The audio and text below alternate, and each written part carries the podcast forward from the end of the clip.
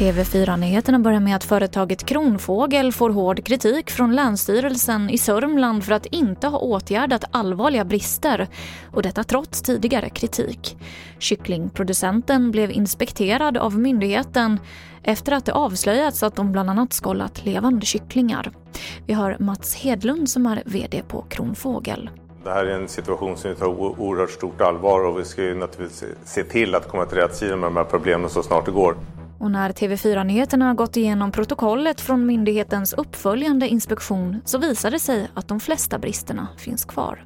Det allvarligaste det är de punkterna som rör djuren direkt. De här kycklingarna har ofta allvarliga skador som till exempel vingfrakturer eller att de eh, har hamnat på rygg och blir trampade på av andra eller att de är fastklämda. Det sa Kristina Nyman som är länsveterinär på Länsstyrelsen i Sörmland. Så till Afghanistan där läget blir allt mer kritiskt. Talibanerna är fem mil söder om huvudstaden Kabul och i förmiddags visades ett förinspelat tv-tal från presidenten Ashraf Ghani där han menade att det pågår konsultationer för att få slut på striderna.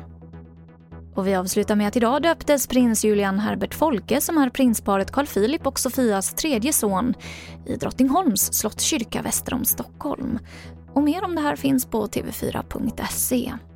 Och det här var det senaste från TV4 Nyheterna. Jag heter Emily Olsson.